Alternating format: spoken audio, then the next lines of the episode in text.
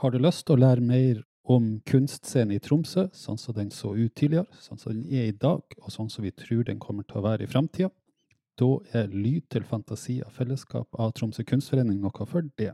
Lanseres 9. august 2021.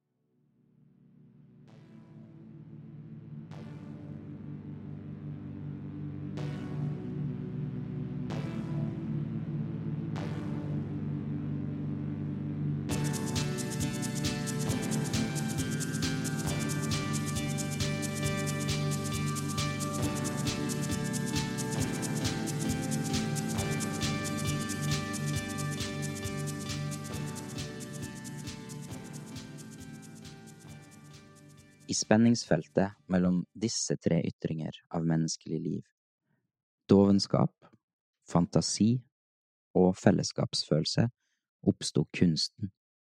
Den ga dovenskapen innhold, fantasien form og fellesskapet kommunikasjon. I kunsten kunne alt det innebygges som tidligere bare var anelser. Kunsten ble en manifestasjon av at mennesket var blitt.